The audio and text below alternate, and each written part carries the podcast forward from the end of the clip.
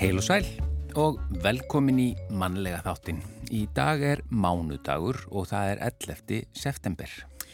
1755 var mikill jarðskjálti á Norðurlandi með skriðuföllum og sprungumyndunum. Hús fjallu á Húsavík og Tjörnesi og tveir bátar fórust í flóðbylgu frá skjáltanum. Svo var á þessum degi árið 1967 sem að síldarleitarskipið Árni Fridriksson kom til landsins. Skipið er nefnt eftir Árna Fridriksinni sem að lifiði frá 1898 til 1966 og hann stundaði rannsóknir á síld og þorski við Ísland. Fjölbreytaskóli Suðunessi var settur í fyrsta skipti á þessum degi 1976. Og á þessum degi árið 2001 hriði verkin 11. september í Bandaríkjónum. Al-Qaida rændi fjórum farþegaþótum og flög á byggingar í New York og Virginíu 2973 letu lífið í árásunum. Lífið er kynlíf er heiti á bók sem kom út núna fyrir stuttu og er handbók kynfræðings um langtíma sambönd. Áslu Kristjánsdóttir, kynfræðingur og hjúkurnafræðingur, segir að erfiðleikar í kynlífinu geti orðið banabiti sambanda sem að öðru leiti eru farsæl og hamingjurík og þessir erfiðleikar stafa hins vegar allt of oft af þekkingaleysi. Við ætlum að ræða við hann áslögu hér og eftir. Já, við fáum 50. vingildagsins frá Guðjón Helga Ólasin í dag og í þetta sinn leggur Guðjón vingilinn við ferðalög og góðan félagsskap. Svo er að lesandi vikunar í þetta sinn er það Natasja S. Hún er rítöfundur og þýðandi Hún hlaut bókmentaverlun Tómasar Guðmundssonar fyrir fyrstu bók sína Máltaka á stríðstímum og við ætlum auðvitað að fá að heyra hvaða bækur hún hefur verið að lesa undanfarið og hvaða bækur og höfundar hafa haft mest áhrif á hann í gegnum tíðina. En við byrjum á sögu farmansins, hér syngur Óðinn Valdimarsson, lag eftir Marti Robbins og Jón Sigursson samti tekstan.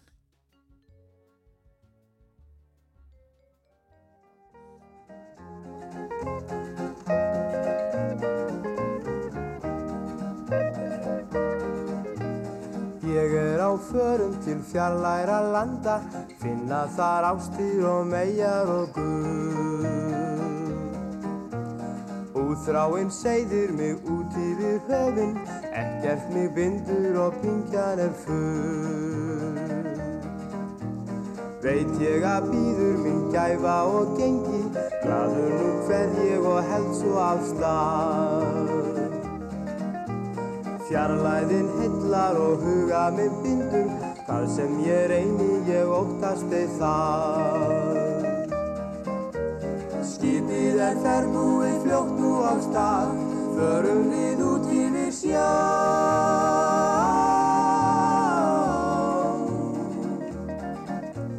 Sjórin er sléttur og ég er svo léttur, ég eitt gæti sviðið um heiloftin blá, því ég má fara um heiminn til fjallværa landa, finna þar ástir og megar og guð.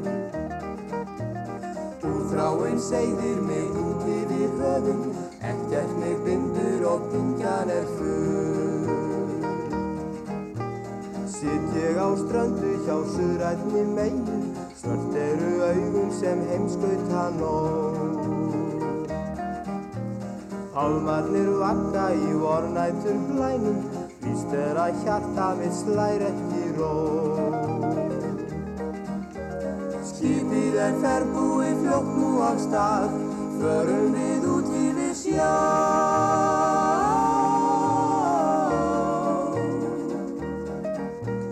Sjórin er sléttur og ég er svo léttur, ég er gæti sviðið um heiloftin blá, því ég má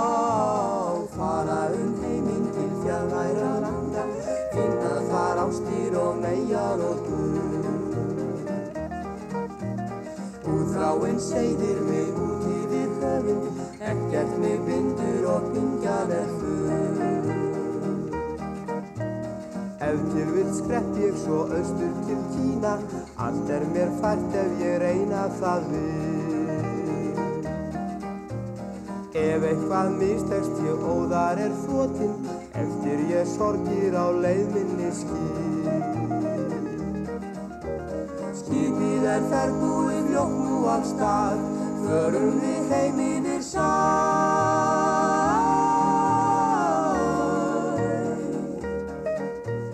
Sjórin er sléttur og ég er svo léttur, ég er gæti sviðið um heiloftin blá.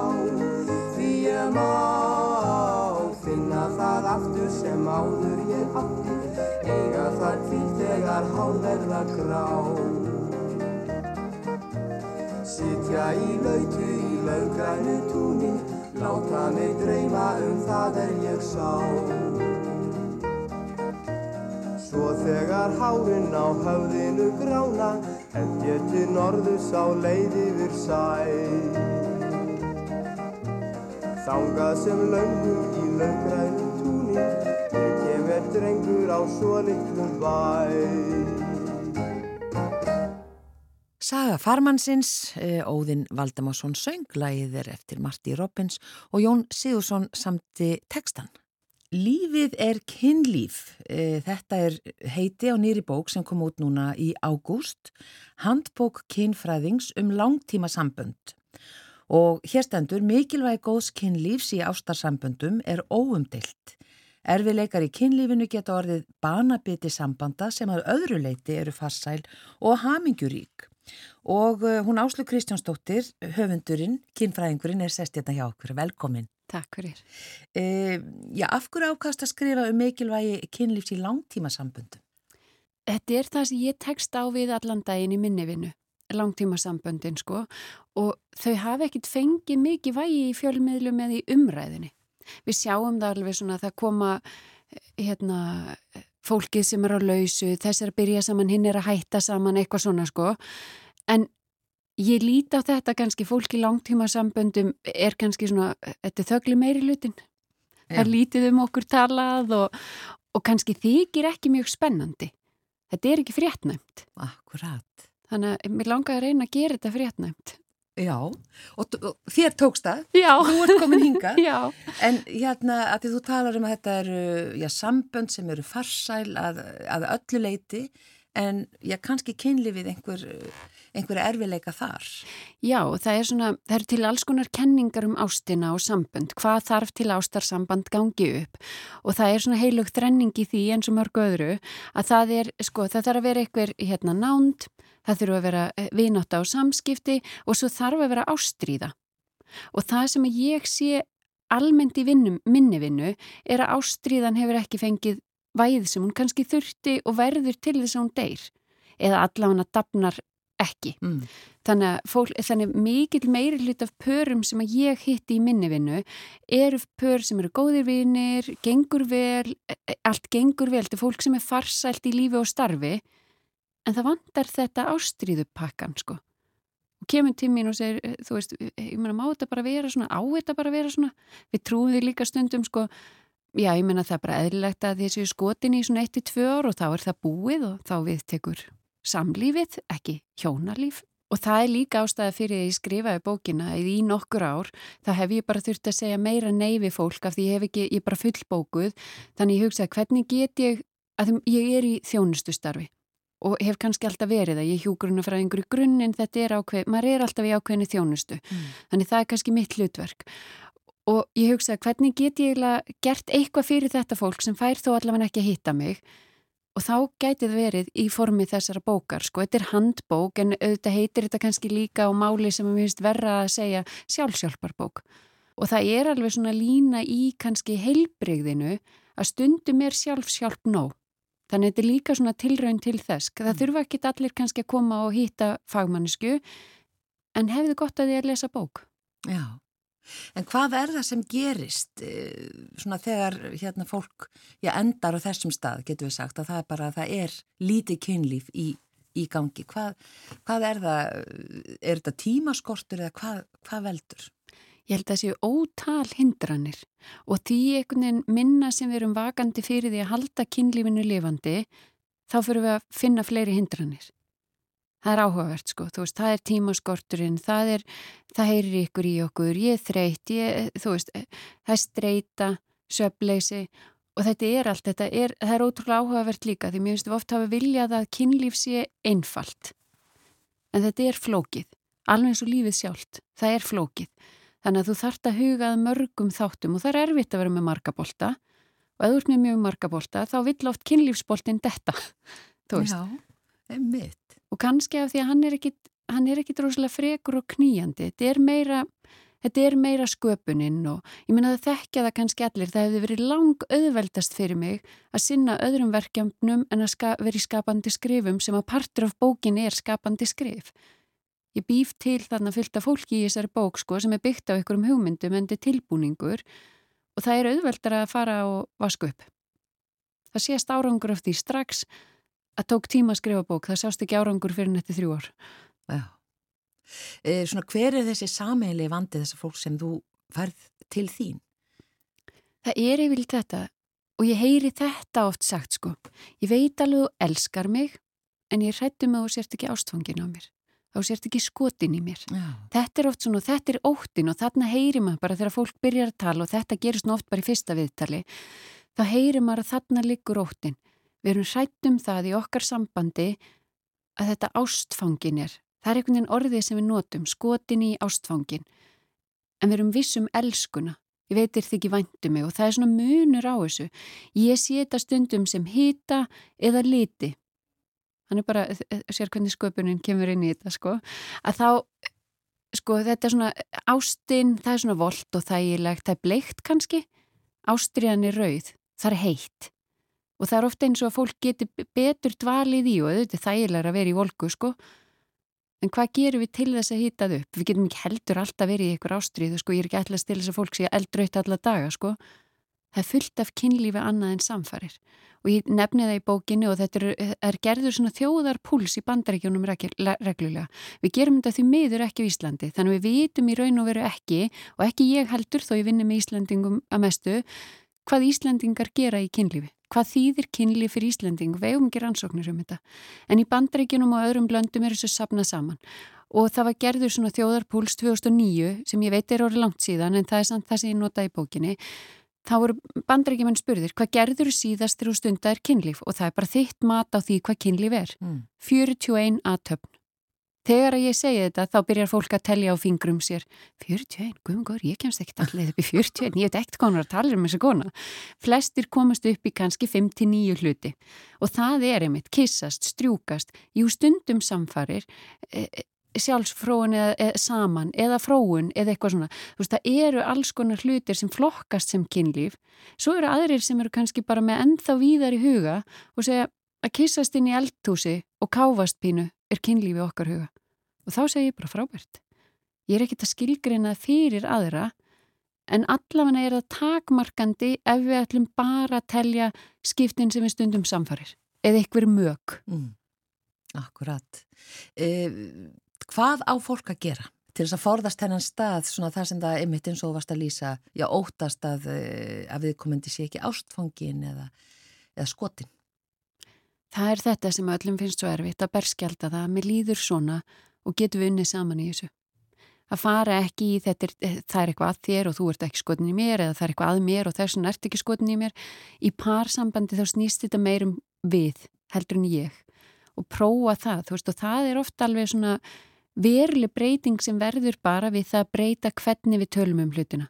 Hættum að velta okkur upp í hvað er mikið vandamál og hvað við gerum lítið og hvað við eigum bátt sko og fara í og hvað getur við gert. Ah, ok, upplifur það ég sé ekki skotin í þér. Hvernig, að, hvernig getur þú hjálpa mér í því að sína þér að ég er skotin í þér? Hvað var hjálplegt fyrir þig? Nú leður mér aðeins að hugsa það líka. Hvernig, hvernig tjái ég þér þennan part af ástinni? Gríkir eru með sjö orði yfir ástina. Eitt er eros, sem er þessi ástríða.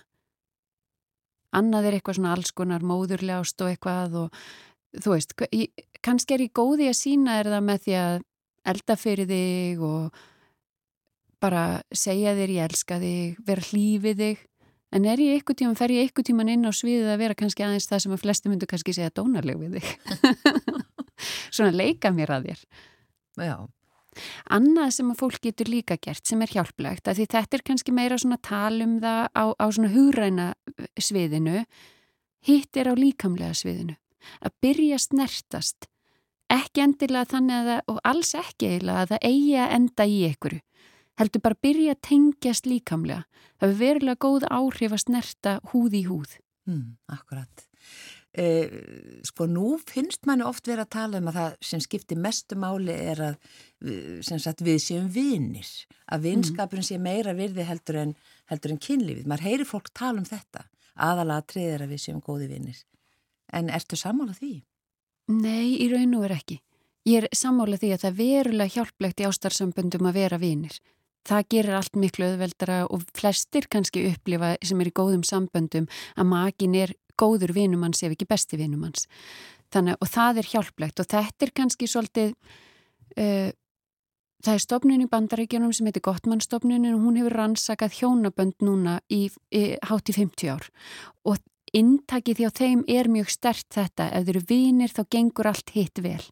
Ég sem kynfræðingur get ekki skrifað upp á þetta af því að ég sé það svo oft að fólk eru verulega góðir vinir en það kveikir ekki ástríðu en það almennt eru við ekki svo hjá vinum okkar. uh, já því þú færð hérna svo mörg pör til þín með, með vandamál, svona er ykkur sértæk vand, vandamál sem auðvelt er að leysa?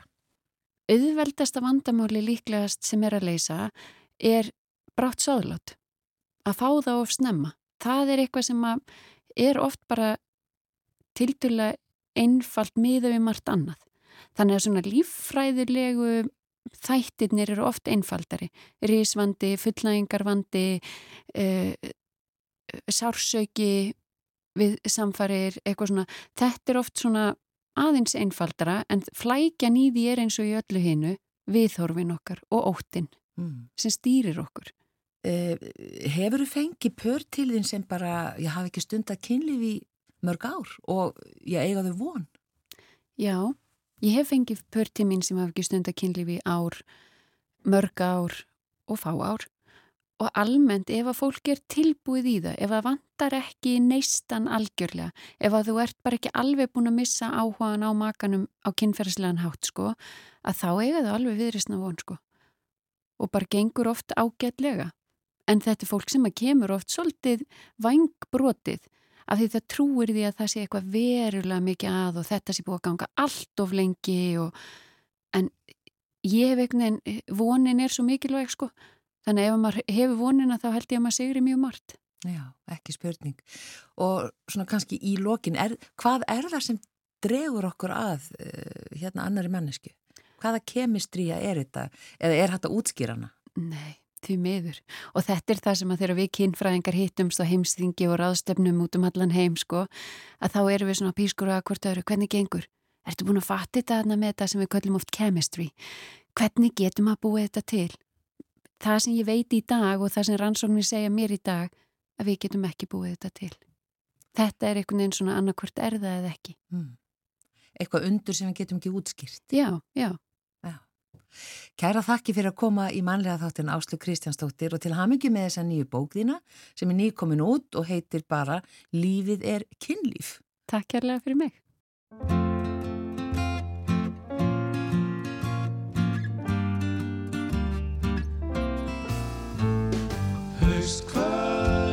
School.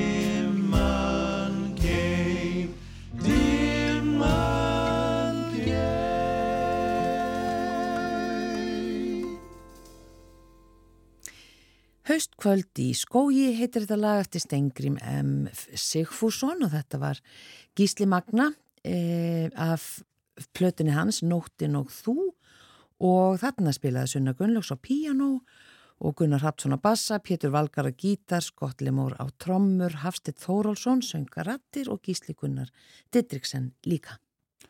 Nú komið að vingli frá Guðjóni Helga Ólasinni og þetta er sá 50. í röðinni. Ágætur hlustendur. Nú má alveg lifta kaffibotla og þykjast skála.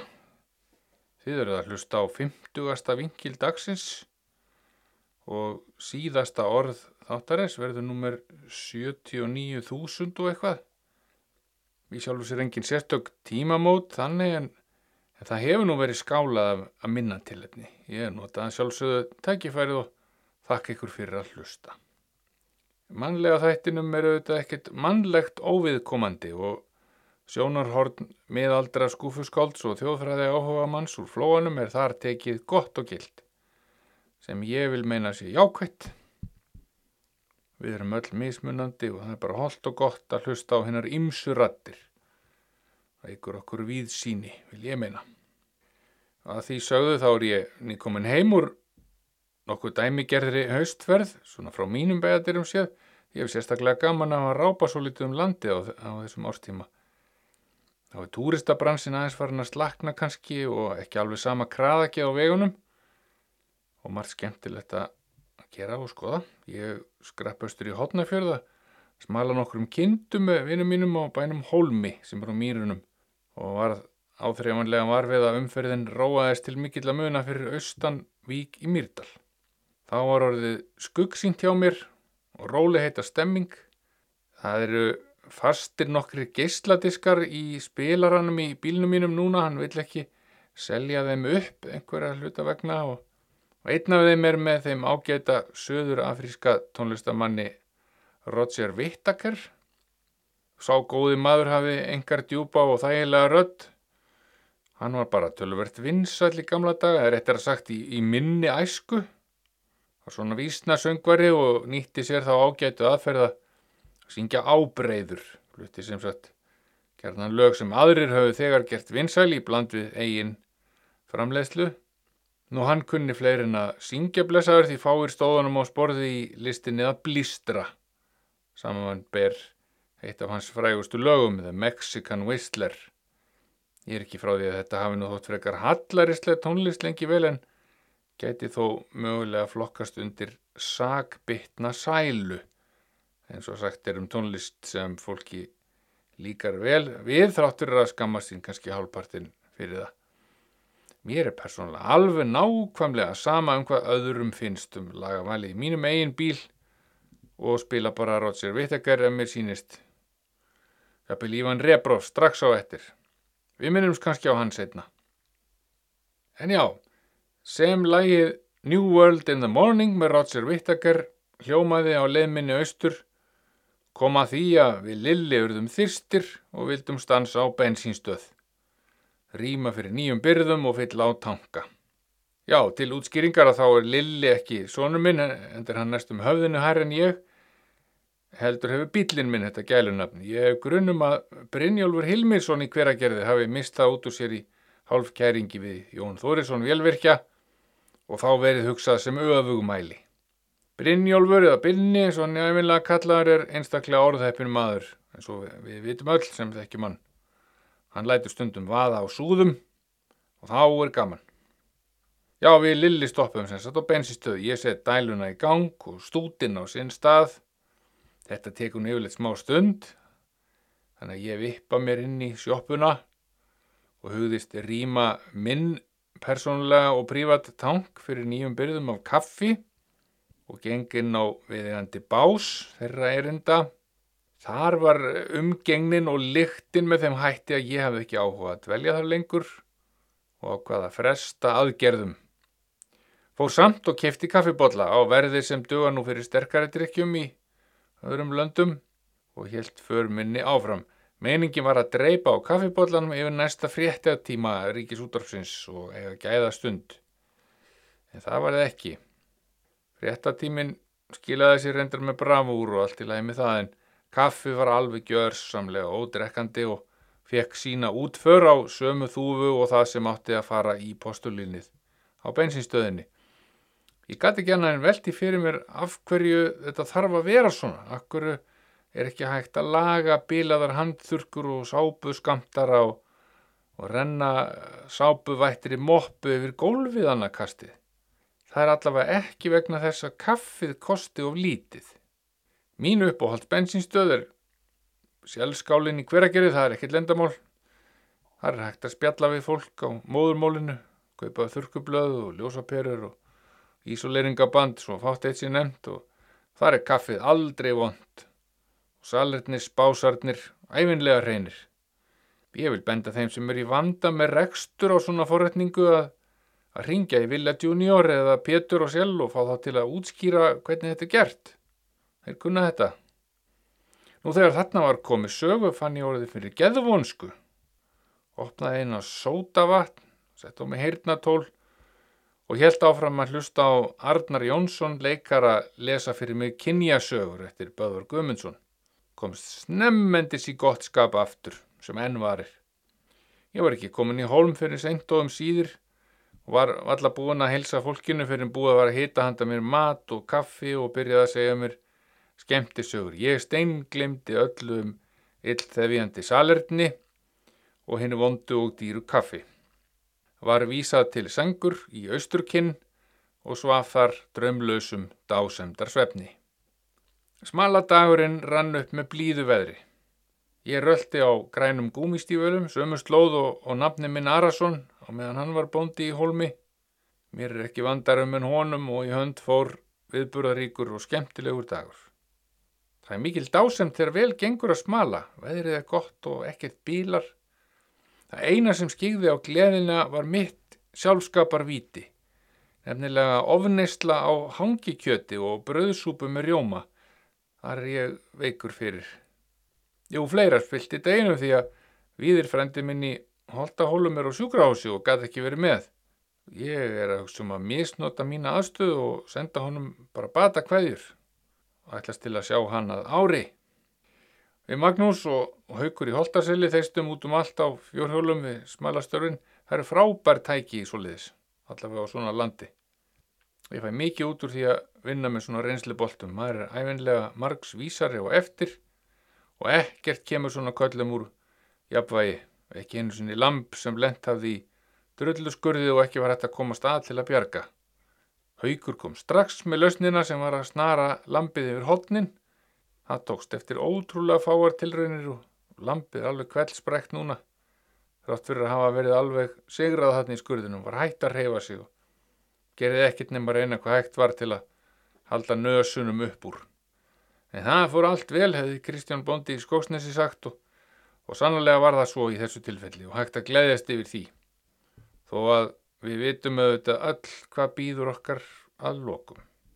Veðrið var með ólíkindum gott og hægt að vera á stuttermaból við fjárræðið. Dagurinn var fljótur að líða og alveg óþarfið að spara við sig að taka lagið þó bara sé verið að rétta heima við Magnús gripum aðeins í hljóðfæri um kvöldið til að haldi hefðirnar og okkur til skemmtunar. áhorfendur og áheyrendur úr endur engir ef frá eru taldar endurnar í holmi. Þær voru hinum megin við glerið og litu upp annarkastið. Þær verðast hafa gaman af lögum með Louis Prima en eru sennilega alætur á tónlist eins og annað. Maður eru auðvitað forréttinda pjessi að þekkja gott fólk vís vegar og fá tækifæri til að njóta samverunar. Maður eru auðvitað manns gaman og talandu um það nú er vissulega nýja af staðin rétta helgi í mínum landsfjörðungi og hægt að færa fyrir því hald góð rauk að mögulega hefði verið hægt að halda rétta daginn heilagan innan síslumarka. Það er að segja eigin síslumarka, það er alveg rétt en maður getur bara verið á einum stað í einu enn sem komið er. Stundum skarast skemmtilegir við burður þannig að nöðsynlegt verður að velja og hafna.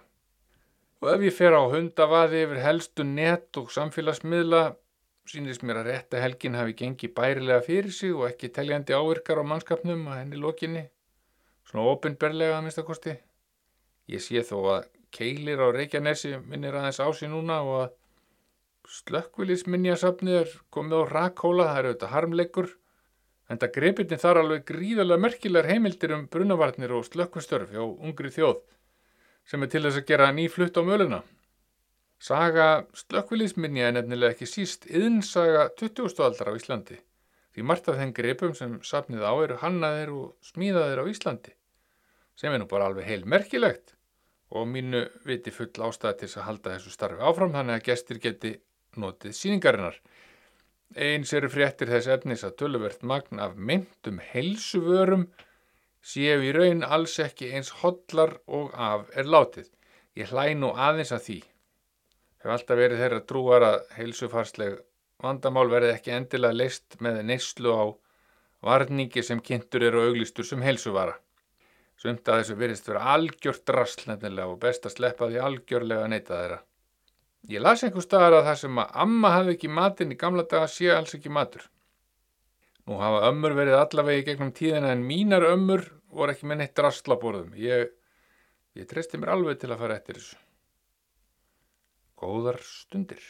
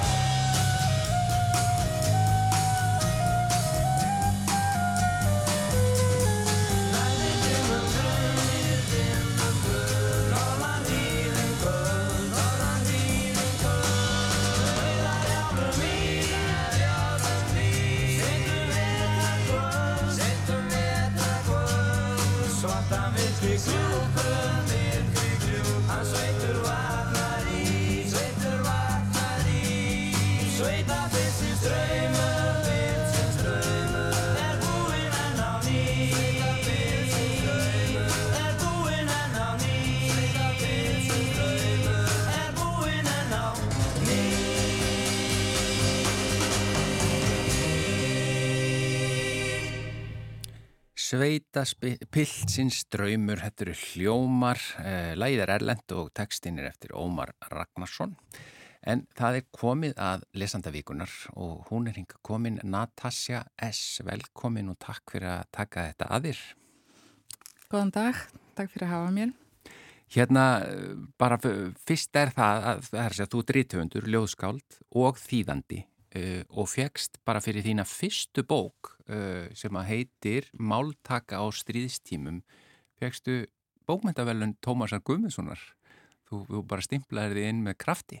Já, það kom mér mjög mikið óvart og það var mjög svona yfirþyrmandi að fá verðlaun fyrir fyrsta bók og já, allt er í þóku núna, síðasta jólubókaflóð.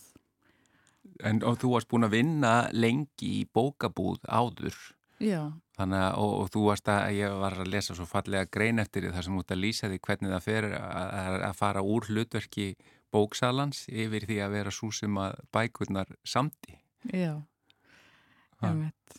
Það var mjög skemmtilegt og áhver reynsla fyrir mér að svona skoða allar bækur uh, sem er að koma út og uh, kynast bókaormum, þýðendum, ríthöfundum þannig að ég er ekki viss hvort ég myndi vera ríthöfund ef ég mun ekki, veist, vinna í bókabúðinni. Já.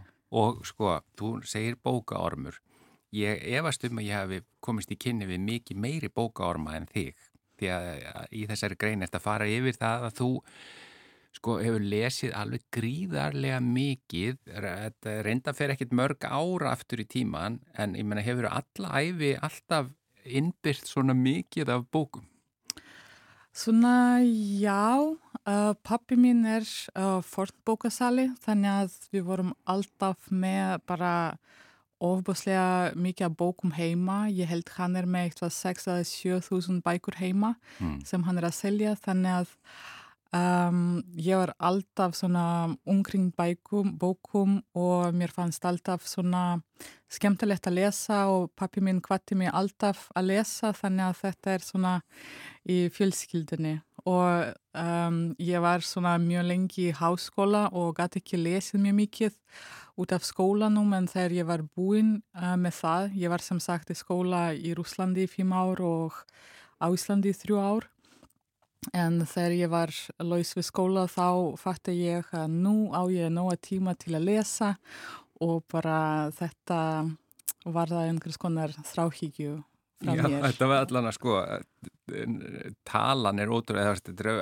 annað hundra bækur á ári og, og þú setur þið fyrir svona verkefni, það eru þessar hundrað bækur, hvað frá Nobels nefndinni sem eru taldar hundrað bestu Já, bækur eða eitthvað slíkt eða veist, á á svona hundrað bestur listi einhver, svo tekur þú fyrir bara norrænar bækur, þú tekur svona þema ár Já. eftir ár Mm og svo meiri þess að tókstu þema eitt árið þú ætlar að reyna að lesa minna og það tókst ekki hjá þér Nei, því miður ekki. En vindum okkur bara í fyrstu bók sem þú ætlar að segja okkur frá. Hvað, hvað kemur fyrst upp? Uh, já, ég svona hugsaði að tala ganski um svona rúsnesku mælandi bókum Mm um, af því að mér fyrir svona að ég finn allavega mikið tengingu á Íslandi með Rúsland út af rúsnesk, uh, rúsneskum bókum. Já, og mér finnst þetta er óbúslega jákvægt að fólk þekki ekki bara pólitík, heldur líka meningu og það er eitthvað sem maður getur elskað, ekki bara hatað. Þannig að þess vegna ákvað ég að tala um svona rúsnesku mælandi bækur og fyrsta bók sem ég langar að tala um er Chernobyl bæin, bænin uh, sem kom út í íslensku þýðingu fyrir tveimum árum síðan, held ég, mm eftir uh, Svetlana Aleksijevich. Hún er samt frá Kvitrúslandi eða Belarus og þetta er sem sagt uh, non-fiction og þetta er viðstöl við vitni af Chernobyl slís. já, Sem sagt, vísindamönnum, fjölskyldum meðlimar af uh, slökkvumönnum já, uh, og bara fólk sem neytaði að yfirgefa heimili þitt eftir þetta. Mjög svona áhugavert og um, mjög góð lýsing af því hvernig uh, Sovjetríkin hagaði sér í svona og líka áhugavert að sjá að það er mjög lítil múnur milli þá og nú hvernig svona áróður uh, fer og hvernig já, að mannslíf skiptir ekki svo stóru máli já. og ég man þegar hún fekk Nobelverðlaun, ég bjó í Svíþjóð, það var 2015 og ég fór meira að segja svona Nobel upplestur með henni og það var mjög skemmtilegt. En það sem ég fannst líka aðhyglisvert með uh, henni, að því að það er ekki mjög ofta svona rúsnesku mælandi ríðhófendir fá bókmenta uh, Nobelverðlaun í bókmentum, um, það var mjög mikið svona neikvæðni út í það í Rúslandi að því að margir voru að segja já, auðvitað, hún var að gagnrýna Sovjet og þess vegna, þú veist. Já, þetta væri pólitíst í rauninni. Já, og ég var líka búin að skoða svona Nobel-verðlunahafar í Rúslandi, það eru fimm og bara einn þeirra fekk uh, Nobel-verðlun svona ánein vandamál. Uh, fjórir, þrýr þeirra byggu í útlegð mm. þegar þau fengu Nobelverðlaun uh, Búnin, um, Brodski og Solzhenitsyn mm -hmm. og Sholokhov um, gæti ekki fengið Nobelverðlaun af því að honum var sagt ef hann mun fara til Svíþjóðar þá mun hann ekki geta komið tilbaka já, já. þannig að þetta er saga sem bara fer áfram Já, og það er kannski miða við þetta er erfitt að aðskilja þarna menningun og pólitíkina því að En, en það, þú segir að það er áhugavert og við þekkjum uh, og, og flestir þekkja rúsneska bókmyndir sem eru náttúrulega stórkostlegar og gott að skilja líka á milli uh, bókmyndan og menningarinnar og, og pólitíkunar. Hvað er næsta bók? Þetta var uh, Tjernobyl bænin eftir Svetlunu Aleksífits. Næsta bók, þetta er svona, ég er ekki viss hvort þetta er novella eða smásaga. Mm. Það er einhver sara á milli. Uh, hún heitir Horse Soup, hestasúpa, eftir uh, Vladimir Sorokin. Mm -hmm. Hann er mjög þettur í Rúslandi og mjög pólitískur líka. Hann gagnarindi um, Rúsland um, í fyrra út af innrás í Ukrænu. Mm -hmm. Og þetta saga... Um, kom út 2000, árið 2000 fyrir 23 árum síðan. Og uh, hún gerist um, í uh, 1908, hún byrjar 1986 í lestinni frá Simferopol sem er í Krimskaga uh, til Moskvu. Og þar kynnist um, ung kona, Óla, svona stuttnam fyrir Olgu, manninum. Og hann svona með einhvers konar skrítin svona fetish og hann vil horfa hvernig hún borðar mm. og það svona verða samskipti þeirra í mörg ár að hann borgar henni fyrir uh, bara að horfa hvernig hún borðar Já. Og þau hittast vikulega og hún borðar og hann borgar henni pening og hún fer heim og lifi heldur áfram Þetta er mjög, svona, mjög skrítin saga. Áhugavert uh, blæti. Já, og hann, Sorokin, hann er svona mjög svona controversial og skrítin. Mm. Mér finnst oft erfitt að skilja hvað hann meinar, en um, ég las þessi sogu bara nýlega og það kom að ljósa, hún kom í um, ennsku þýðingu í um, ritsapni svona besta smásagur 2022 mm -hmm. uh, sem sagt 22 árum á, eftir hún kom út fyrst og þetta er einhvers konar uh, myndlíking fyrir uh, kynsluð stöðnunar Stöðnunar? Já, mm. það var sem sagt tímabil Uh, frá Brezhnev til uh, svona næstum því fell Sovjetríkina. Uh, já. Og já, það er mjög, mjög skemmtilegt að lesa hana, það tekur kannski svona klukkutíma og hún er til á netinu, hún er ekki komin í íslensku þýðingu, mm -hmm. en það er hægt að finna hana. Horse Soup, já. já. Og það er spurning hvort að einhver gæti, þú hefur þýtt ímislegt, þú hefur þýtt frá íslensku yfir á, á rúsnesku en ekki í hináttina. Nei, nei. Mögulega að byrja á nóvölu. en Já. þú, ætlar að, svo er einu önnur bók sem þú ætlar að tala um sem þú hefur lesið undanfarið. Já, þetta er svona ný bók eftir rusnesk höfund sem heitir Oksana Vasjakina. Mm. Uh, hún er um, fætt 1989 og uh, bókin heitir uh, Sár. Hún er ekki samþýtt yfir á íslensku en ég er búin að panta eindokk fyrir bókasafn þannig að vonandi einhver mun hafa áhuga að lána hana og lesa. Þetta er sem sagt svona autofiction og hún fekk tvo verðlaun í Rúslandi fyrir þe uh, þessi bók. Um, hún lýsir þetta svona einhvers konar road trip þar sem hún fer með ösku mömmu sína sem dóur uh, krabbamenni í heimabæð sitt uh, í Siberiu mm. og hún er líka samkynhneið og þetta er svona uh, saga þar sem hún um, hugleiður mikið um svona feminismi og ofbeldi og, og um hvernig hún var uh, alin upp um, og bækunar hennar eru ekki mjög um, svona fáanleir í Rúslandi að því að hún er samkynhneið og það er ekki hægt að finna þau í bókasopnum nýja bókabúðum. Mm Þannig Hefur hún náð útbreyslu uh, í öðrum löndum? Um, já, uh, ég man ekki á hvaða mörg tungumál er búið að þýða þessi bók uh, en hún kom út í Finnlandi í fyrra held ég og fekk mjög góðar dómar. Mm Hún f- um, kom út í Breitlandi í ágúst og í Bandaríkunum í september, bara núna í ár. Já. Og hún fekk umfjöll, umfjöllun í New York Times.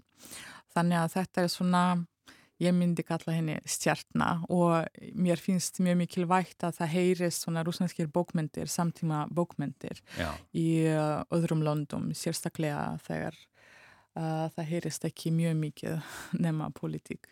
Oksana Vasjak, Vasjakina. Uh, bókin heiti Wound eða, eða Sár. Já. Uh, en svo ætlum við svona að spóla aðeins eftir í tíman eða að ég menna, nú ertu greinilega búin að lesa sko ótrúlegan fjöldabóka en eh, hvað svona stendur upp úr? Er eitthvað svona sem að hefur svona, sem þú getur nefnt sem að hefur svona haft sérstaklega mikil áhrif á því, hvort sem það er bók eða höfundur? Um, mér finnst svolítið erfitt að velja svona ein bók. Ég trúi því. Já, en um, ég myndi segja að stundum ég fær svona mjög mikið tengingu eða eitthvað verður með mér í langan tíma. Þá hugsa ég, ok, það var eitthvað í þessari bók. Já. Þótt ég kannski skildi ekki alveg hvað, en mér finnst alltaf gott ef ég mani e- eitthvað úr bókinni þá var hún líklega góð. Um, svona síðast sem svona galdur gerðist var þegar ég las uh, Edan eftir Auður Já, um, og svona mér fannst aðalpersonin mjög lík mér og meira að segja hún lýsir verkefni uh, hjá Rauðakrossinum sem ég vinn í. Já, og það er svona pörunaverkefni fyrir flotta fólk þar sem um, við tengjum saman sjálfbóðalíðum og flotta fólki og þau eru að verða vínir eða eitt og svoleiðis. þekkiru auði öfu Ólastóttur eitthvað persónulega? Uh, já, ég hitti hana eh, síðustu viku og ég gaf henni bók eftir Aksonu Já, já, af því að Aksana skrifaði til mín og sagði ef þú hittir auðu einhver tíma getur þú sagt henni að ég er mjög þakklátt fyrir dýralíf. já. og ég hugsaði, ok, þá panta ég bók hennar Aksonu, Mhm. einn fyrir bókasafn og einn fyrir auðu og gaf auðu bók Aksonu. Já, Þannig að þetta, hún hefur, það er svona bókin sem kemur fyrst upp í hugan sem að eten eftir auðu öfu. já, Natasja S., þakka þér kærlega fyrir að vera lesandi vikunar í mannlega þættinum í þetta sinn. takk fyrir. Þá er bara þættinum lokið e, í dag. Við verðum hér auðvitað aftur á sama tíma morgun, þökkum bara innilega fyrir samfylgdina. Verðið sæl.